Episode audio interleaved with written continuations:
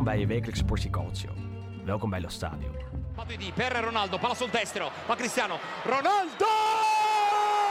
È un gol pazzesco, pazzesco, pazzesco di Cristiano Ronaldo, un affresco al Castellani, un destro, un missile sotto l'incrocio dei pali, un gol incredibile di Cristiano Ronaldo, 2-1 per la Juventus! Het is het einde van het seizoen 2009-2010. Giuseppe Marotta wordt door Juventus aangesteld als sportief directeur. De Bianconeri eindigen dat seizoen als zevende in de competitie. De laagste eindklassering sinds de terugkeer van de oude dame in de Serie A... na het Calciopoli-schandaal vier jaar eerder. Marotta vernieuwt die zomer haast de gehele selectie. Niet veel later wordt de Lombardijer benoemd tot CEO van de club uit Turijn... en stelt hij de onervaren Antonio Conte aan als coach. Vanaf dat moment kan niets of niemand de opmars van Juventus nog stoppen. Het is het begin van een eindeloze zegenreeks. Zeven scudetti later is Giuseppe Marotta hoogstpersoonlijk verantwoordelijk voor de komst van vijfvoudig gouden balwinnaar Cristiano Ronaldo, die ondanks zijn leeftijd nog wekelijks laat zien van absolute wereldklasse te zijn. Dit weekend tegen Empoli weer geïllustreerd door het wonderschone afstandsschot waarmee Juventus nog vaster op de eerste plaats knalde. Vorige week werd op de aandeelhoudersvergadering bekend dat Marotta Juventus gaat verlaten. Een roemloos afscheid voor een man die zoveel voor de club heeft betekend. Maar Giuseppe Marotta verdient alle credits en respect. Van 2010 tot 2018. Van een kansloze zevende plaats tot zeven kampioenschappen op rij. Tot de komst van Cristiano Ronaldo aan toe. Beppe, bedankt.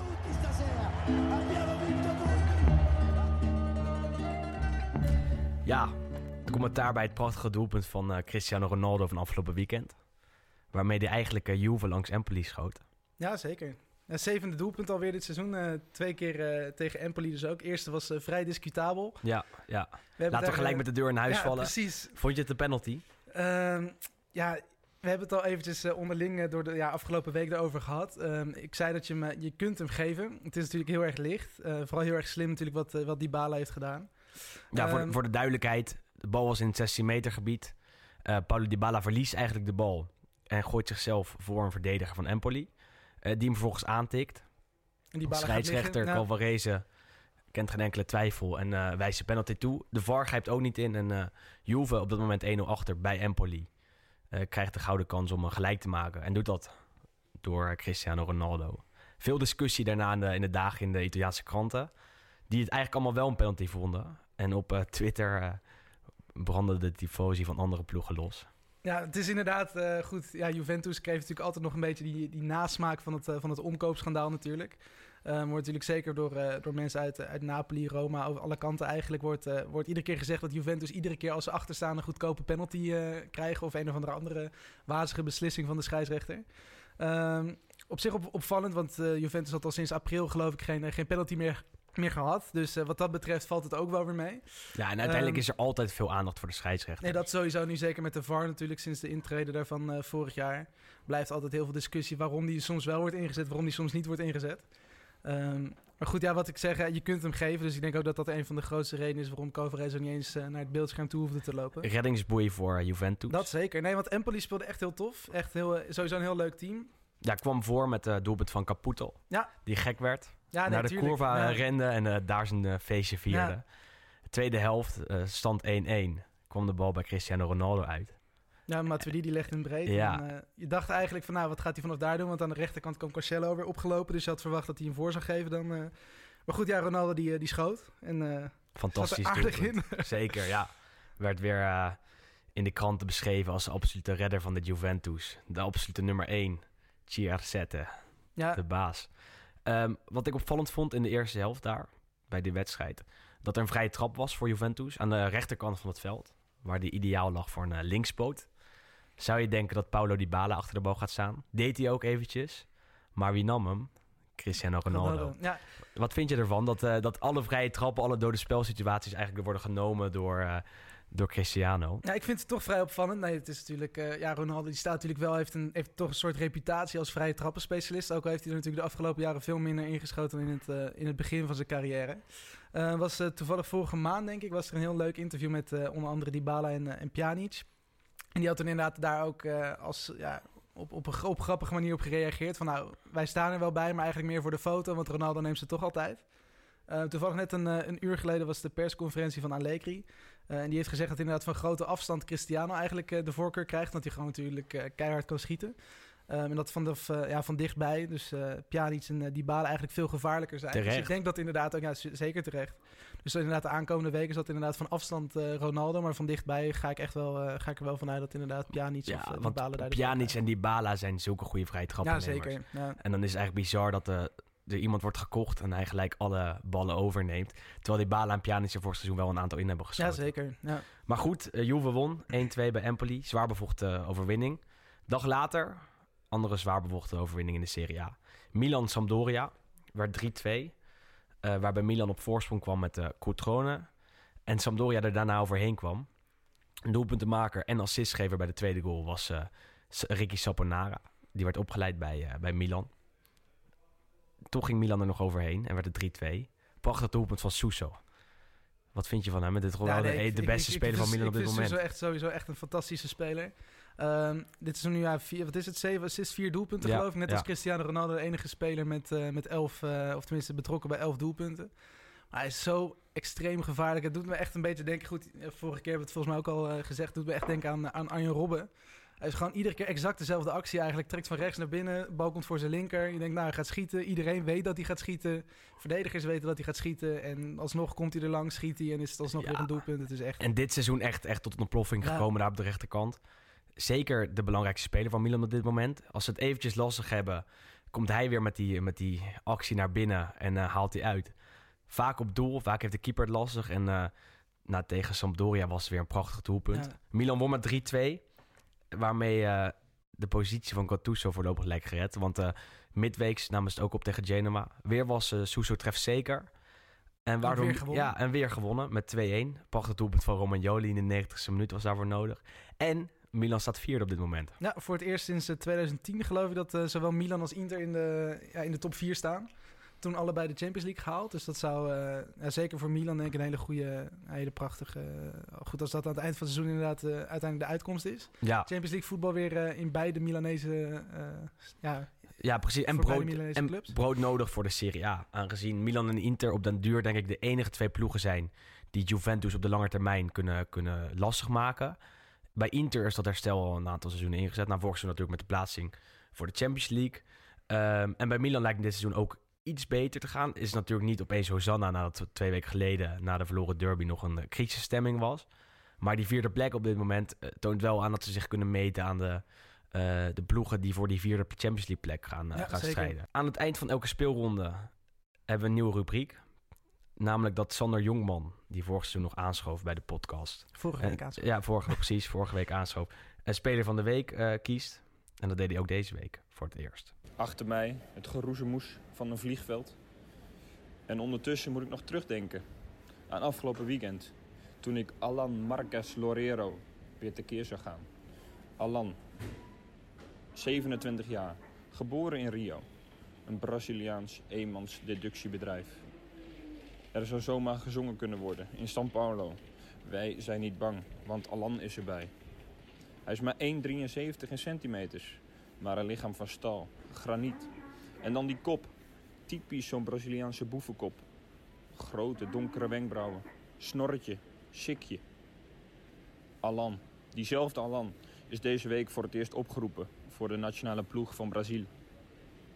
Voor wat brute kracht in de wereld van samba en yoga bonito.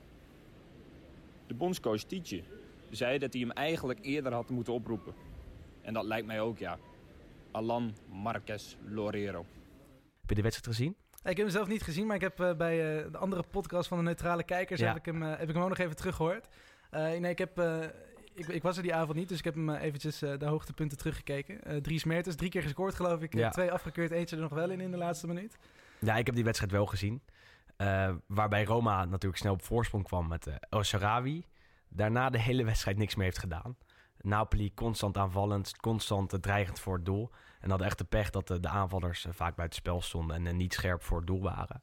Waarbij Arik Milik ook weer eh, een beetje door de mand viel, vond ik. Als Napoli mee had willen doen om de titel dit seizoen, denk ik dat ze een absolute topspits hadden moeten halen. En Milik is dat echt duidelijk niet. Nee.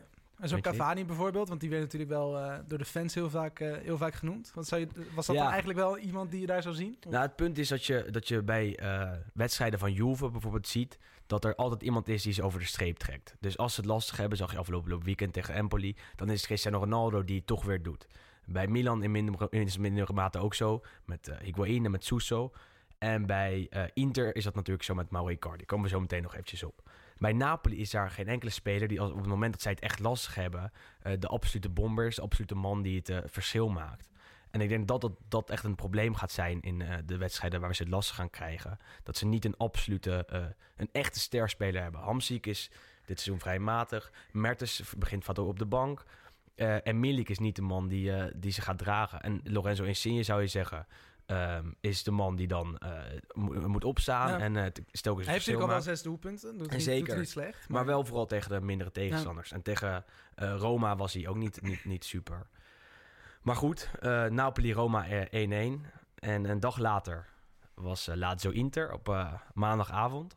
Waarbij eh, het heel lang eh, door bleek dat eh, Inter niet ging winnen. Tenminste, eh, wat- waar op de wedstrijd niet doorging. Omdat die Inter die avond niet ging spelen. Ja. En eh, ging toch door en Inter won. Ja, nee, was inderdaad sowieso de afgelopen dagen, weken eigenlijk eh, dramatisch weer in heel Italië. Overstromingen, er zijn mensen, mensen overleden door het slechte weer. Dus inderdaad, het leek ook Serie B, Serie C zijn wedstrijd wel afgelast. Ja. Maar Lazio Inter op maandagavond leek inderdaad niet door te gaan. Ehm, de beslissing daarvoor werd ook eh, volgens mij drie keer op die dag zelf nog uitgesteld, omdat ze toch wel heel graag wilden voetballen. Ja, klopt. Uh, uiteindelijk ging die wedstrijd uh, toch, uh, toch door. En Inter uh, ja, won met, met 0-3 in het Stadio Olimpico. En Vrij ik heb makkelijk. Echt, ik heb echt genoten van die Ja. wedstrijd. Ik vond het echt een hele, hele goede wedstrijd. En ja, je noemde hem net wel eventjes Mauro Icardi. Maar wat is die man Ja, het is eh, niet normaal. dodelijk. Twee kansen, twee, doelpunten. Het is echt... En maakt ze allebei, eh, allebei af op het punt dat hij eh, weer op de goede plek staat. Andere man die ik ook zou willen uitlichten is Marcelo Brozovic. Ja. Die tegen Lazio absoluut de regisseur was op het middenveld. Het spel weer verlegde. En eh, constant die, eh, de basis legt voor de goede aanvallen van, eh, van Inter. Ja, prachtig Ja. doelpunt ook trouwens. Prachtig doelpunt. En Een beetje enorm geholpen door het natte veld natuurlijk met die regen. Want die bal die uh, stuiterde en die ja, ging pas ja, drie ja. keer zo hard. Wel goed geplaatst in het Ja, hoekje. nee, zeker. Voorafgaand aan deze, deze podcast vroeg een Niel van FC Afkikken. Als je moet kiezen tussen Milito en Icardi, wie zou je dan kiezen?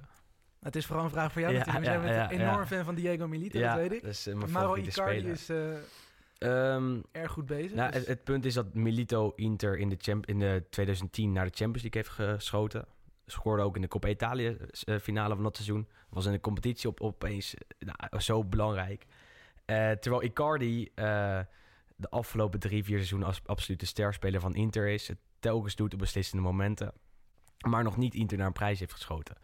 Dus op dit moment ga ik nog voor Melito. Maar eh, Icardi is wel hard op weg om de status van Melito te veroveren hoor. Omdat hij zo belangrijk is, zo vaak het verschil maakt. En, en eigenlijk er altijd staat op het moment dat hij er moet staan. En wat is voor jou het moment dat zeg maar echt die plaats wordt omgewisseld dat Icardi echt de nummer 1 is? Moet hij dan topscorer worden weer? Of is het dan echt een Champions League? Ehm, dat, ja, dan zou die denk ik Inter toch naar een titel moeten schieten. Ja. Of naar een eh, kampioenschap in de Champions League. En dat is misschien niet realistisch. Maar dat is wel de manier waarop de, de, de grote spelers eh, worden onderscheiden van, het, ja, van de echte legends. Ja. En Diego Milito is natuurlijk een legende in, eh nou, in Milaan. In het zwart-blauwe deel van Milaan. Icardi is dat nog niet. Ook omdat hij vaak aangeeft een nieuw contract te willen. Vaak aangeeft dat hij nou, wel tevreden is bij Inter, maar wel een salarisverhoging wil. Daardoor bij de fans niet super populair. Wel populair, maar niet zo populair als eh, Diego Milito was in, eh, in 2010. Goed, aan de andere kant, Icardi speelt natuurlijk al wel langer. Veel consta constanter. Ja. Natuurlijk ieder jaar toch wel Ja. minimaal een doelpuntje of 25. Ehm, dus op een, gegeven moment, ja, op een gegeven moment komt hij er wel. 25 jaar oud geloof ik pas. Dus dat is natuurlijk ook nog heel veel toekomst zit er in die man. Maar goed, eh, Lazio verloor met 0-3 van Inter. En laat het toch niet helemaal zien dit seizoen. Ja, op zich, het valt nog mee, want ze doen het niet slecht. Maar het is, eh, het is wel opvallend dat ze eigenlijk vorig seizoen zijn ze natuurlijk vijfde geworden op de laatste speeldag. Ehm, dus Inter en Roma en Napoli en Juventus, die eh, ja, eindigden vorig seizoen inderdaad boven hen, die vier ploegen. En dat zijn ook de vier ploegen waar uh, Lazio dit seizoen van heeft verloren. Dus eigenlijk is er ten opzichte van vorig seizoen niet heel veel veranderd. Andere wedstrijden tegen de mindere goden eh, worden wel allemaal gewonnen. Uh, maar het is inderdaad waar je vorig uh, seizoen echt fantastische Luis Alberto onder andere, maar ook uh, zeker Milinkovic Savic. Ja, ja, ja. Eh, die zie je eigenlijk gewoon eh, niet Nee. dit seizoen. En als zij niet eh, komen opdagen, als zij het niet laten zien zoals ze vorig seizoen deden, denk ik niet dat Lazio mee gaat doen om die Champions League plek uiteindelijk. Aangezien zij in de topwedstrijden eh, echt zulke soort sterspelers nodig Ja. hebben. Naast Immobile, die nog wel goed is dit seizoen, hebben ze echt een, een goede Milinkovic-Savic nodig en een goede Luis Alberto om eh, daadwerkelijk mee te doen om eh, Ook gewoon om kansen te creëren, want ze scoren natuurlijk ook niet heel veel. Ehm, ik moet wel zeggen, ik wel, Joaquin Correa, die, Ja. eh, die kwam van Sevilla, die, eh, die bevalt me wel tot nu toe. Doet ook in, in de Europa League een paar keer heeft hij het goed gedaan.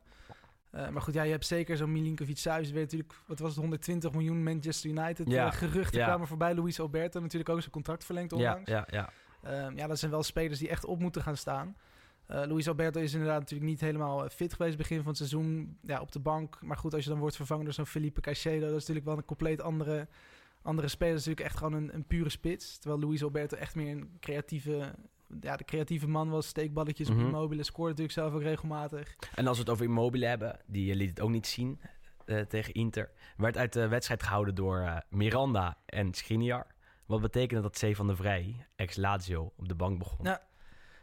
Luciano Spalletti, de Inter-trainer, die zei na afloop dat hij eh, eh, de Vrij een gevoelige jongen vindt. En dat hij daardoor... Dus dat het niet eh, nodig was om nee, de hele precies. wedstrijd te worden uitgefloten. Op uit zich de zit wind wilde natuurlijk ook wel wat in. Spalletti zelf werd trouwens wel de hele wedstrijd uitgefloten. Ja, vanwege ja. zijn verleden in, bij AS Roma. Ehm, Verliet het stadion met een Forza Roma. ja, inderdaad. Ex-trainer van Roma natuurlijk. Sowieso natuurlijk een eh, lekker showmannetje, die Spalletti. Gabriele Gravina è il presidente della Federcalcio. Gabriele Gravina ha superato il quorum, quindi Gabriele Gravina è il, post, è il nuovo presidente della Federcalcio. Ja, de FIGC, de Italiaanse voetbalbond, heeft een nieuwe president. Nou, het is eindelijk zover. Het is inderdaad... eh we hadden vroeger hadden we Tavecchio, Carlo Tavecchio. Dat was eh, een vrij controversieel persoon. Eh, heel klein, eh, kaal mannetje. Eh, ja, stond bekend als seksist, als racist. We kwam echt met de, de meest idiote uitspraken kwam die, kwam die overal in, de media. Ehm zat natuurlijk ook achter de aanstelling van Ventura als, als bondscoach van Italië. Italië miste natuurlijk, zoals iedereen weet, het, het WK. Ehm, Ventura die werd toen ontslagen, maar Tavecchio die bleef eigenlijk nog veel te lang zitten. Ehm, en toen gelukkig waren er wel mensen die ook het, het licht hadden gezien binnen de organisatie, binnen de voetbalbond. En die hebben toen toch besloten om hem eh eruit te werken. Ehm, de bond heeft toen eigenlijk eh, gelijk ja, een nieuwe stemronde gestart. Er waren toen drie kandidaten. Eh, Damiano Tomasi, een oud, oud voetballer. En intussen is hij het hoofd van de Spelersvakbond. Dan had je nog Sibilia, dat was ook een vrij progressieve man. En je had Gravina. Ehm, nou goed, de eerste stemronde was iedereen stemde blanco. Dus er kwam geen enkele kandidaat eigenlijk naar voren. Ehm, dus toen heeft de bond inderdaad elf maanden lang zonder echte president eh, gezeten. De, eh, uiteindelijk was dus de voorzitter van het Olympisch Comité die, de, die eh, ja, de zaken waarnam. Maar we hebben nu inderdaad van de week opnieuw gestemd. En we hebben nu eindelijk een, een nieuwe president, Ja. Gabriele Gravina. En, wat, wat weten we eigenlijk van hem? Ja, die werd verkozen met eh, 97,2% van de stemmen. Dus vrij Zoals overtuigend. Precies, vrij overtuigend de verkiezingen gewonnen.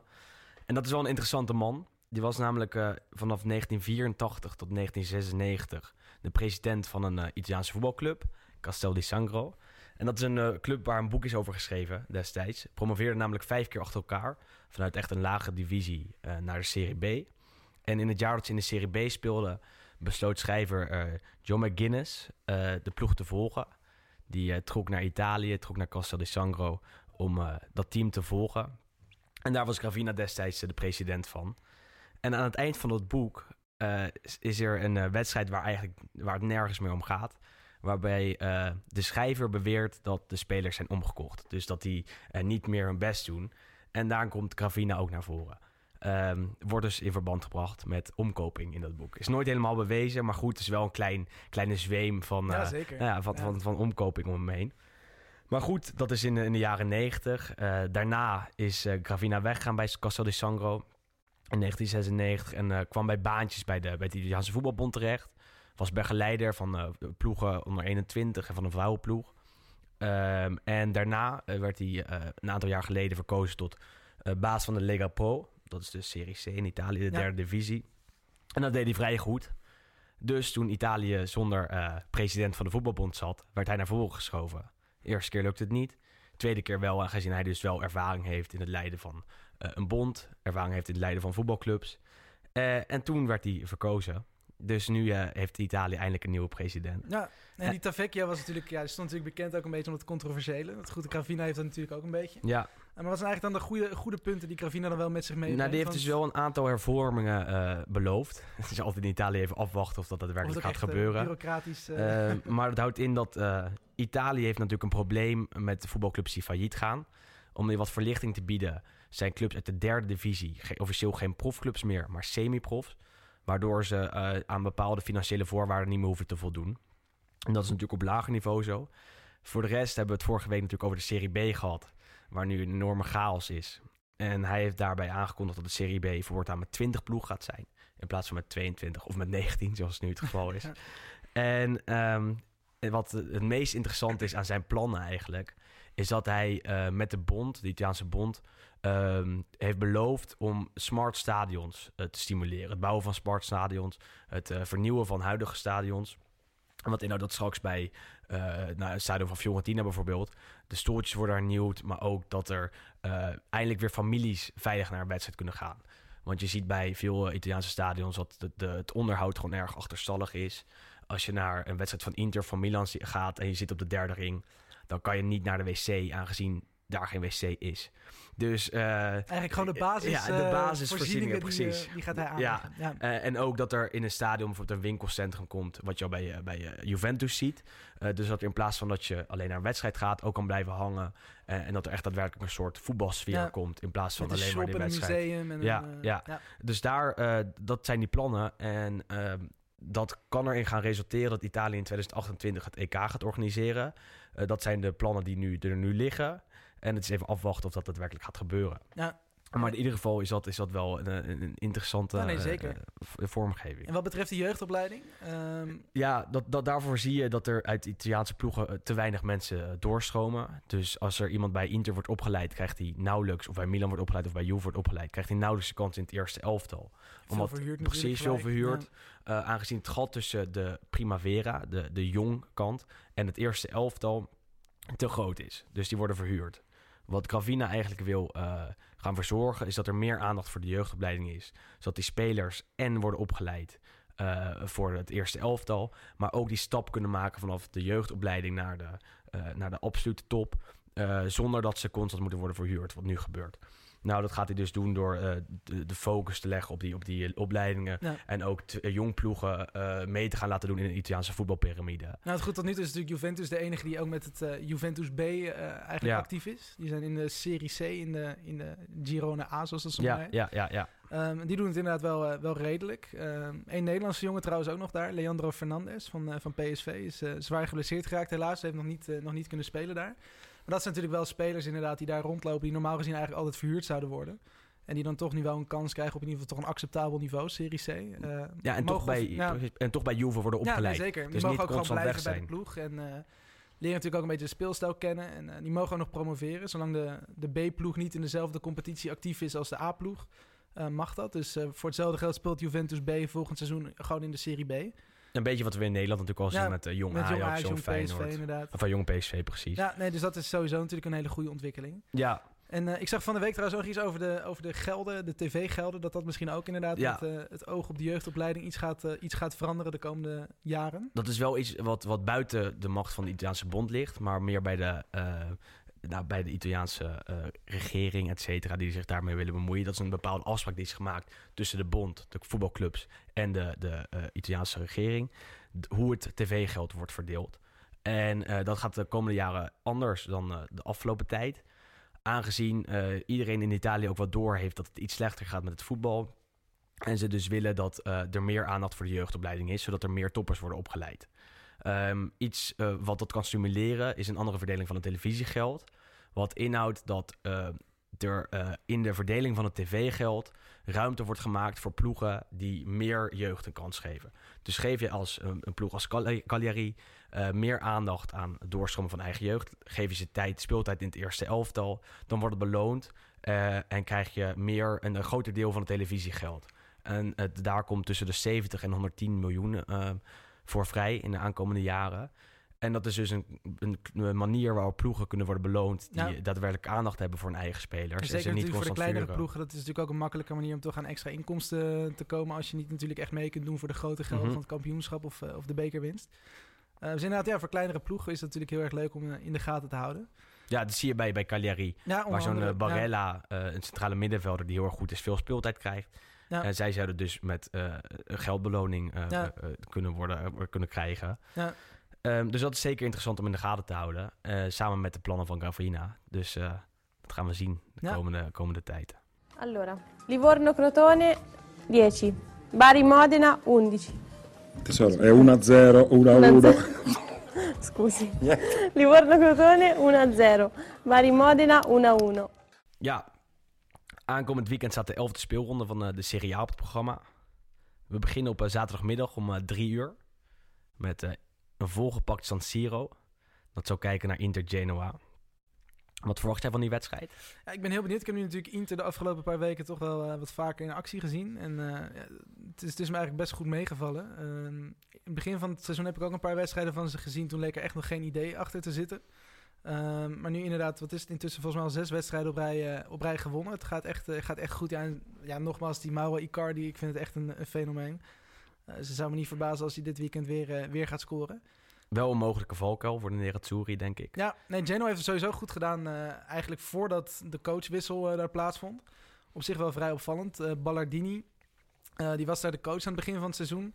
Ehm, vorig jaar was hij, eh, is, is hij daar toen eh, bij de club gekomen. Is eh, volgens ja, de president van Genoa zelf echt een expert in het ontlopen van degradatie. Maar verder kan hij daar helemaal geen knikker van.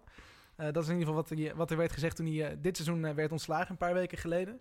Ehm, maar eigenlijk is het heel opvallend, want Genoa won vier van de eerste zeven wedstrijden. Deed eigenlijk een van de beste competitiestarts sinds, sinds jaren. Ehm, en Ballardini is nu vervangen door, eh, door Juric. Die wordt voor de de- ja, derde keer ja, ja, precies. coach van, eh, van Genoa. En sindsdien hebben ze nog geen wedstrijd gewonnen. Wel een Eh, lastig schema gehad. ja, Afgelopen natuurlijk. woensdag natuurlijk tegen Milan.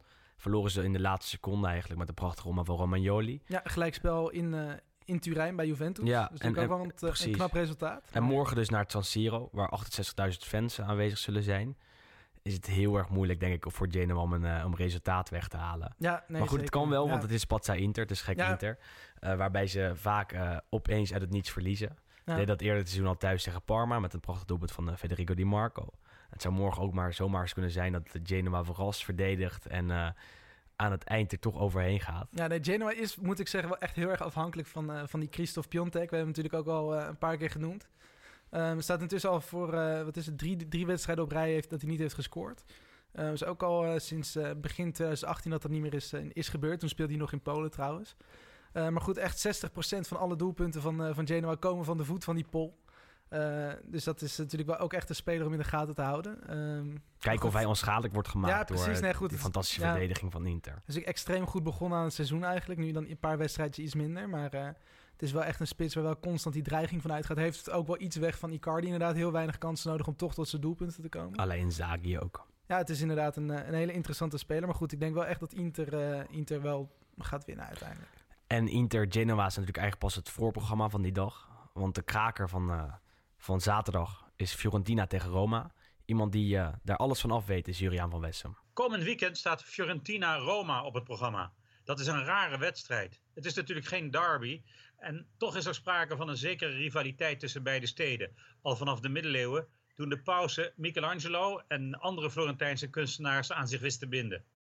Wie de autostrada wel eens heeft gereden van Florence naar Rome, of omgekeerd, weet hoe groot het gat tussen deze twee steden is. Ongeveer vier uur.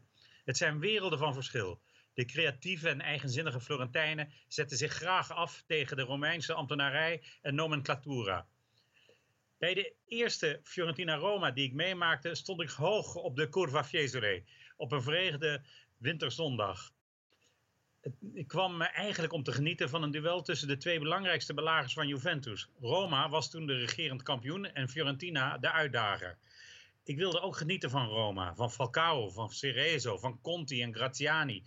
Maar dat mocht helemaal niet op de Curva Fiesole.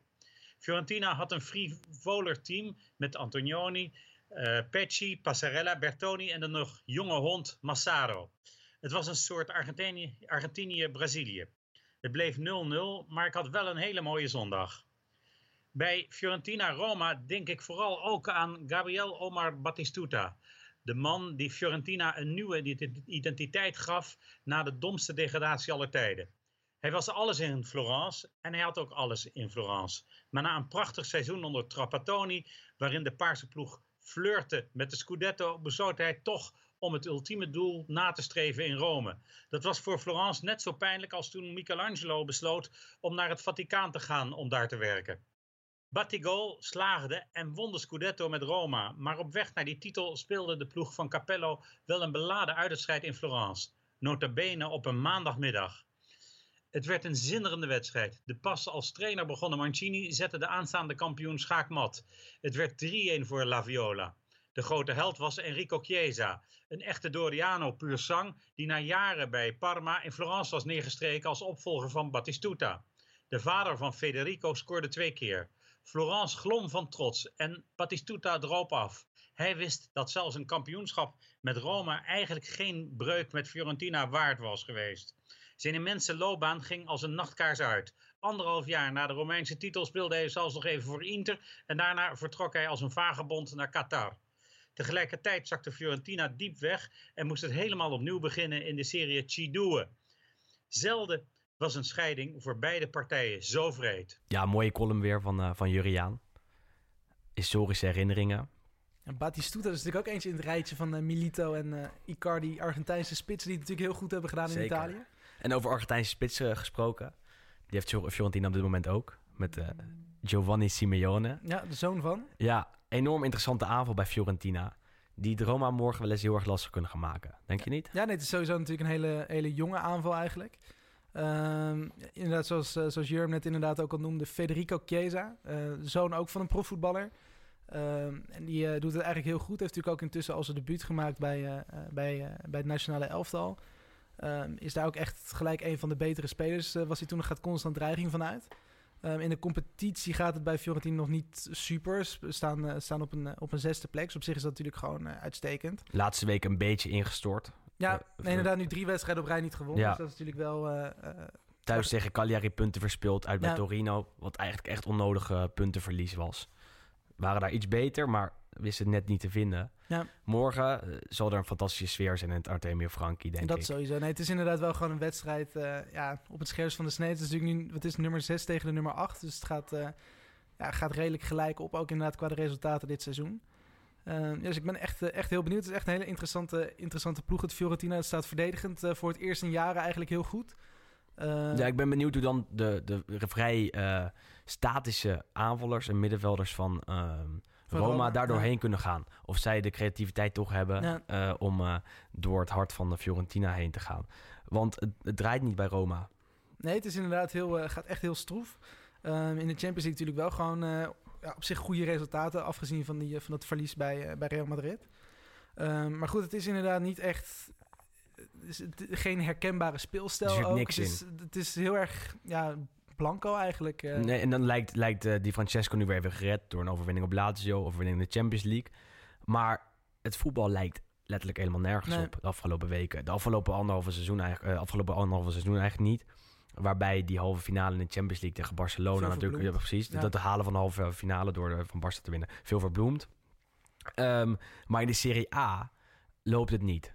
Vooral in het eigen Olympico eh, gaat het niet lekker. En eh, bij eh, Fiorentina uit kunnen ze natuurlijk wel counteren, hebben ze wel de spelers voor. Ja. Ehm, maar als je ziet dat Zeko een avond niet scherp is, Ja. dan, dan is het al helemaal niks. En bij- doelpuntenmakers, die hebben ze op, op zich natuurlijk nog wel redelijk wat spelers die wel op een doelpuntje staan inmiddels. Maar het is inderdaad, ja, Zeko is natuurlijk wel ook een garantie voor doelpunten, dus die heb je. Maar inderdaad aan de buitenkant ook weinig echt... Ja, je hebt natuurlijk wel met, met Cengiz Under is natuurlijk een goede, een goede buitenspeler. Justin Kluivert zit natuurlijk op de tribune of, of op de bank. Ehm, dus je mist er echt ook een beetje die creativiteit. Ook het middenveld is natuurlijk alles, eh, alles een beetje weggevallen. Pastore speelt niet, lang, Valt lang niet tegen. alles. Eh, Daniele de Rossi, 450 wedstrijden gespeeld inmiddels. Maar goed, die is natuurlijk ook echt op zijn retour. Ik vind een Zonzi, die is natuurlijk via Monchi hebben, hebben overgenomen van, van Sevilla, ook nog niet, niet overtuigen. Nee, dus- ze hebben ook pech met de aankopen in Ja. die zin. Dat zodra ze een voet op de grond zetten in Rome, het ineens een veel, veel minder goede voetballers le- blijkt te zijn. Want een Zonzi Bij Sevilla was was bij Sevilla enorm sterk, Ja. precies. En, en bij Roma laat hij in de wedstrijden dat hij speelt nog niks bijzonders zien. En, en dat valt wat dat betreft wel tegen. Aangezien ze dacht door eh Schrootman te verkopen eh, en een Zonzi binnen te halen... een eh, ja, goede transfers hebben... Ja. hebben Nee, sowieso, precies. dat wel. Maar M- Maar dat is niet gelukt. En eh, in die zin valt het werk van Monchi ook redelijk tegen. ja, Aangezien Roma misschien wel had verwacht of gehoopt, stiekem. Dat toch ze, al veel verder ja, te zijn dan veel- op dit moment precies. inderdaad. Om, en, en om de titel mee te kunnen spelen. En eh, op dit moment staan ze achtste.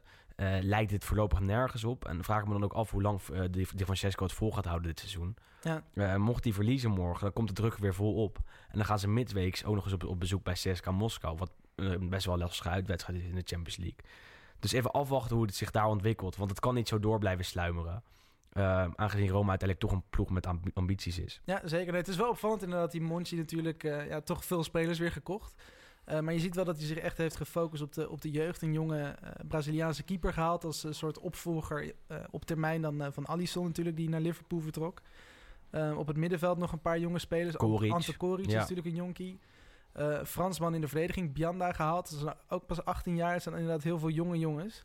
Ehm, maar goed, ja, hij merkt nu misschien inderdaad ook dat het eh, misschien verstandiger was geweest om ook echt te gaan voor wat grotere namen. Die ook ja, direct eigenlijk eh, de ploeg kunnen versterken. Want En- het is wel echt wat ze nodig hebben. En de grote naam die ze hebben gehaald, Pastoren, valt tot nu toe gewoon best wel tegen. Ja, twee mooie hakballen, maar dat, Ja. dat is het een beetje tot nu, toe- tot nu toe helaas. En een grote naam die we eerder deze podcast al hebben genoemd. Cristiano Ronaldo. Speelt later die avond op zaterdag tegen Cagliari thuis. Nou, dan verwachten we wel een makkelijke overwinning voor Juventus. Ja, ik, eh, ik hoop het. De afgelopen paar wedstrijden vielen me niet echt, vielen me niet echt mee. Ehm, natuurlijk, eh, wat is het tegen Genoa natuurlijk punten verspeeld. Tegen Empoli ging het ook echt heel erg stroef. Ehm, maar goed, ja, Cagliari is natuurlijk, wat, ook met die speler die we net al noemden, Barella. Eh is echt een van mijn, mijn favoriete spelers dit Eens. Serie A-seizoen. Was vorig seizoen echt al een van de uitblinkers. Pakte toen heel veel gele kaarten. Eh, maar eh, nou goed, dit seizoen valt het, eh, valt het mee. Intussen ook zijn debuut gemaakt voor het Italiaanse elftal. Is daar toch ook wel basisklant de afgelopen weken. Ehm, dus dat is echt een hele interessante speler. Een, Dus, een speler die een stap gaat maken ja, in de zeker. aankomende transferperiodes. het is haast niet mogelijk dat hij nog, nog heel veel langer bij Cagliari voetbalt. Waar denk je dat hij eindigt? Ik, ik zie hem zelf namelijk wel bij een, bij een ploeg buiten Italië eindigen. Ja, nee, was inderdaad afgelopen zomer werd hij al in verband gebracht met Liverpool. Ehm, echt een harde werker. Ik vind het ook wel echt een type speler voor, eh, voor de Engelse competitie. Ja. Eigenlijk heel hard werken, goede tackle, eh, loopvermogen, eh, inhoud, longinhoud van drie paarden geloof ik. Dat is wel echt zou- natuurlijk ook iets wat bij Klopp past. Ik zou niet verbaasd zijn als hij bij Sarri, bij Chelsea eindigt. dat Aangezien hij daar echt onder Ja. zijn, zijn hoede zou kunnen worden genomen. En dan zichzelf zou ontwikkelen tot een fantastische middenvelder voor die hij heeft wel echt alles. Nou, Ja, goede paas, goede trap. En, en ook verdedigend heel erg sterk. Bij Cagliari speelt trouwens nog een enorm interessante speler. Pavogol, Pavoletti. Pavoloso. ja, ja, ja. Ja, Dus als eh, Cagliari eh, hoopt een puntje weg te halen... dan zullen ze echt wel een goede prestatie van Ja. Barella en Pavoletti nodig hebben. en als Pavoletti goed moet presteren, wat moet je dan doen? Hoge voorzetten Ja. geven? En dan, dan heb je wel natuurlijk met eh, Chiellini en Bonucci... de verkeerde verdedigers tegenover je. Nee, dat zeker. Waar we Pavoletti dit seizoen eh, eh, vijf keer gescoord met het hoofd. Geen enkele speler heeft dat, eh, heeft dat vaker gedaan. Ehm, dus dat is natuurlijk wel echt een speler om in de gaten te houden ook. Zeker voor die verdediging. Hij heeft een tijdje bij Napoli gezeten. Ja, nee, Stelde wat ik had ook echt verwacht. teleur. Ja, nee, wat ik had wel verwacht dat het inderdaad... Napoli heeft toch wel wat aardige ja, spitsen onder contract gehad. Ehm ja, Pavoletti is er inderdaad één van. Bij eh, Parma hebben we intussen hebben Inglese. Vond ik zelf ook, toen hij bij, ehm, bij Chievo actief was... Vond dat echt een hele goede spits. Ik had wel verwacht dat, eh, dat Napoli er in ieder geval bij zou Doet het aardig bij Parma nu ja, ook? Nee, tuurlijk. Ja, zeker omdat eh, Napoli natuurlijk, wat, zoals we aan het begin van de podcast al zeiden... niet echt een, een doelpuntenmaker heeft. Ehm, ik had daar Inglese inderdaad wel willen zien. Ik, eh, ik had wel vertrouwen in hem. Maar goed, die is natuurlijk verhuurd nu aan, aan Parma. En daarvoor Pavoletti. nou, Pavoletti, aangezien- ja, Waar we het net over hadden met de spits bij, bij Napoli... zouden zij een prima een breekijzer kunnen gebruiken. En Pavoletti is dat absoluut. ja, nee, zeker. Ehm, op dit moment doet hij het vrij goed bij uh, Cagliari. En Cagliari doet sowieso heel erg goed. Ja. eh. Ja, zeker na vorig seizoen. ja, nee, we hadden nog eventjes, eh, eventjes opgezocht. En inderdaad, eh, als er bij rust zou worden afgefloten... het gebeurt natuurlijk niet... maar dan zou Cagliari op maar liefst 17 punten staan. Dan zouden ze zelfs nog boven Juventus staan. Dus ja, ze komen vaak ook vroeg voor... maar geven dan uiteindelijk toch nog weg. Dus dat is toch wel een beetje die onervarenheid van, van eigenlijk de hele ploeg. Jammer dat de wedstrijd 90 minuten Ja, duurt. is voor hen zeker. In, eh, op Sardinië is dat, is dat een drama. Maar het is inderdaad, ze hebben een paar echt, echt hele interessante spelers. Barella, Pavoletti. eh, Castro is eh, natuurlijk ook een eh, goede, goede speler, back. Heeft ook al redelijk wat, wat voorzetten, beslissende voorzetten, assists gegeven. Goed afstandsschot ook. Dus dat zijn... ja, ik denk wel dat Juventus uiteindelijk wel die, die punten in eigen huis houdt. Maar heel makkelijk gaat het, gaat het weer niet worden, denk ik. Dus het zal toch weer aan Cristiano Ronaldo zijn om, om de band te breken, denk ik. Vacca Andrea va dentro a cercare un altro cross. Pallone per De Vrij, c'è la torre per Messina! Ripresa Messina! L'ha ripresa Messina! È 2-1 per l'Inter! È 2-1 per l'Inter! Non è possibile! È l'uomo della Champions! È l'uomo della Champions! Ja, en vanaf dinsdag gaan we weer een Europees programma in. Waar wij bij dinsdagavond beginnen met Inter Barcelona. Ja, Wat denk je daar? Ja, ik hoop eh, dat Inter. Nou, goed, ik ga er niet vanuit eh, ehm, ja, dat het echt een. Messi is er natuurlijk waarschijnlijk wel weer bij. Het is natuurlijk eh, zijn arm gebroken een paar weken terug. Er werd verwacht dat hij toch iets langer uit zou zijn. Maar eh, volgens de laatste berichten lijkt hij toch al wel weer eh, herstellende te zijn. Met, mee. Met, met een kans inderdaad op, op speelminuten bij, bij Barcelona dinsdag. Hetzelfde geldt aan de ja, andere kant trouwens Nainggolan. voor Nainggolan. Die weer vol meedoet met de ploeg, vol meetraint. Eh aankomend weekend nog niet zou spelen, omdat ze hem willen sparen voor het belangrijke groepsduel tegen Barcelona. Want als Inter daar een punt pakt, is kwalificatie voor de volgende ronde wel heel erg dichtbij. Ik zit zelf in het stadion. Vorige keer tegen Tottenham waren er eh, 80.000 man bij. En ook aankomende dinsdag eh, is de verwachting dat San Uitverkocht Siro huis. helemaal uitverkocht is. Eh, en dan heb je wel een fantastische sfeer voor deze prachtige wedstrijd. Ja, Werd in 2010 ook gespeeld natuurlijk. De halve finale van de Champions League. En destijds eh, nou, was Barcelona de topfavoriet. Maar won Inter met 3-1. Doelpunt van eh, Wesley Sneijder nog. Dinsdag is natuurlijk pas een groepsduel. Maar ik verwacht wel dat het een enorm, enorm fantastische sfeer gaat zijn. Nee, dat zeker. Nee, het is eh, sowieso heel goed bezocht natuurlijk eh, de, de wedstrijden van Inter dit seizoen. Dus eh, ik denk als iedereen erachter gaat staan... dat het best wel eens een, toch een kleine verrassing zou kunnen zijn... dat Inter misschien nou, zeker wel een punt... of misschien zelfs wel een, een overwinning eruit kan slepen. En dat zou natuurlijk voor het Italiaans voetbal helemaal, eh, helemaal fantastisch zijn. Ja, zou wel mooi zijn. In, in Barcelona zelf was eh, Inter vrij kansloos. Nou, Dus dinsdag eh, zullen 2-0 publiek... En, en ja, precies. Ze ze zullen alles nodig hebben om te verrassen. Maar het kan wel. Een andere ploeg die dinsdagavond in actie komt, andere Italiaanse ploeg, is Napoli. Ontvangen in eigen huis PSG. Heenduel was er, erg spannend. Ja, waarbij 2-2. Na- Napoli op voorsprong kwam tot twee keer toe. 1-2 heel lang. En eh, toen maakte Di Maria in de laatste minuten toch nog de 2-2. Denk je dat Napoli in eigen huis eh, PSG wel kan verslaan? Ik denk dat ze zeker een kans maken. Ik vond ze ook eh, in Parijs al, goed voetballen. Eigenlijk eh, ja, viel Paris natuurlijk eh, heel erg tegen. Ehm, maar goed, Napoli deed het daar eigenlijk heel goed. Ze hadden eigenlijk wel verdiend om daar, eh, om daar te winnen. Ehm, sowieso natuurlijk een hele interessante, interessante wedstrijd. Er zijn natuurlijk een paar eh, kruisbestuivingen. Mhm. Eh, Cavani, die, eh, die nu natuurlijk bij Paris voetbalt. Heeft natuurlijk ook drie jaar in, eh, in Napoli, eh, eh, bij Napoli gezeten. Enorm geliefd. Ja, nee, zeker heel erg populair. Was natuurlijk voor het seizoen werd, eh, werd de voorzitter De Laurentiis al gevraagd om, eh, om Cavani terug te halen. Nou, dat lukte dus niet. Eh, ze krijgen hem nu in ieder geval op bezoek in het, eh, in het shirt van een andere ploeg. Eh, maar gaf zeker aan dat hij ook, eh, Cavani gaf zeker aan dat hij, eh, dat hij het heel tof vond om, eh, om weer terug te keren. Om, eh, ja, worden omarmd ook ja, door waarschijnlijk volledige. San eh, Paulo. Ja, nee, zeker. En eh, Angelotti is natuurlijk ook een tijd, eh, tijd trainer geweest bij PSG. Ja. Voor hem denk ik niet zo'n hele emotionele wedstrijd. Hij zal willen winnen, want als Napoli daar eh, weet te winnen, weet eh, die overwinning weet te pakken, dan zetten ze een hele grote stap richting Ja, nee, zeker. Dan staan ze inderdaad op acht punten. Eh, ze mogen natuurlijk ook nog tegen, tegen Rode Ster in eigen huis. Dus dat is eigenlijk sowieso een, een overwinning die je al haast zeker kunt. En uit kunt naar. Liverpool, wat wel erg lastig gaat zijn, denk Ja. ik.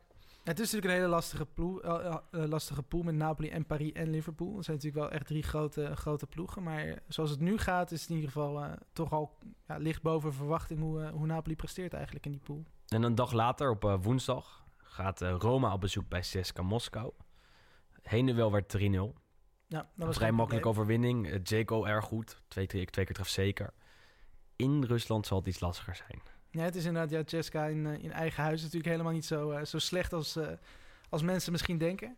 Ehm, het is de Champions League natuurlijk ook al tegen Real Madrid zelfs gewonnen natuurlijk. Dat was natuurlijk vroeg, vroeg doelpunt toen, maar Real Madrid kwam er eigenlijk niet, niet meer aan te pas. De rest van die wedstrijd wel veel kansen gehad, maar ja, het, het gaat voor Rome echt, echt heel lastig worden. Het zou ja, knap zijn als je daar toch vrij... Ja, minimaal gelijkspel ja, zullen ze nodig hebben. nodig, ja. Want als je daar verliest, wordt het toch nog redelijk lastig. Al denk ik dat Roma uiteindelijk in deze pool wel doorgaat. Want uh, Ja. Victoria Pilsen en, en, en toch ook CSKA zijn niet de ploegen waar je door wil, eh, of door wil en door gaat eh, worden uitgeschakeld. Nee. En de absolute topper van die, Ja, eh, van die Juventus avond. tegen Manchester United. Ja. Ik heb er nu al zin in. Ja, En de heenwedstrijd was echt, eh, echt fantastisch vanuit eh eh, ja, Turijns oogpunt. Eh, want eigenlijk, ja, het was natuurlijk ook de return van, eh, van Cristiano Ronaldo eh, op Old Trafford. Ehm, en iedereen had wel verwacht natuurlijk een, goede wedstrijd te zien. Maar Juventus was echt heer en meester. Echt, Manchester United heeft bijna geen enkele kans gehad. Eh werden echt eh, weggespeeld, eigenlijk tegen ieders verwachtingen toch wel in. Eh, dat het echt twee verschillende niveaus leken te zijn. Maar haast wel dit tussen was wel- Manchester en, eh, en Juventus. dit was wel een wedstrijd waarin je ziet dat Juventus eh, alles in huis heeft om dit jaar de Champions League te winnen, denk ik. Ja. Topspelers, topmentaliteit en bovenal natuurlijk een toptrainer. Ja. Die het altijd goed neerzet, altijd goed doorwisselt. Eh, en ook in die wedstrijd bij Manchester United liet zien dat eh, Juve zo ontzettend goed is en eigenlijk iedereen aan kan. Ja.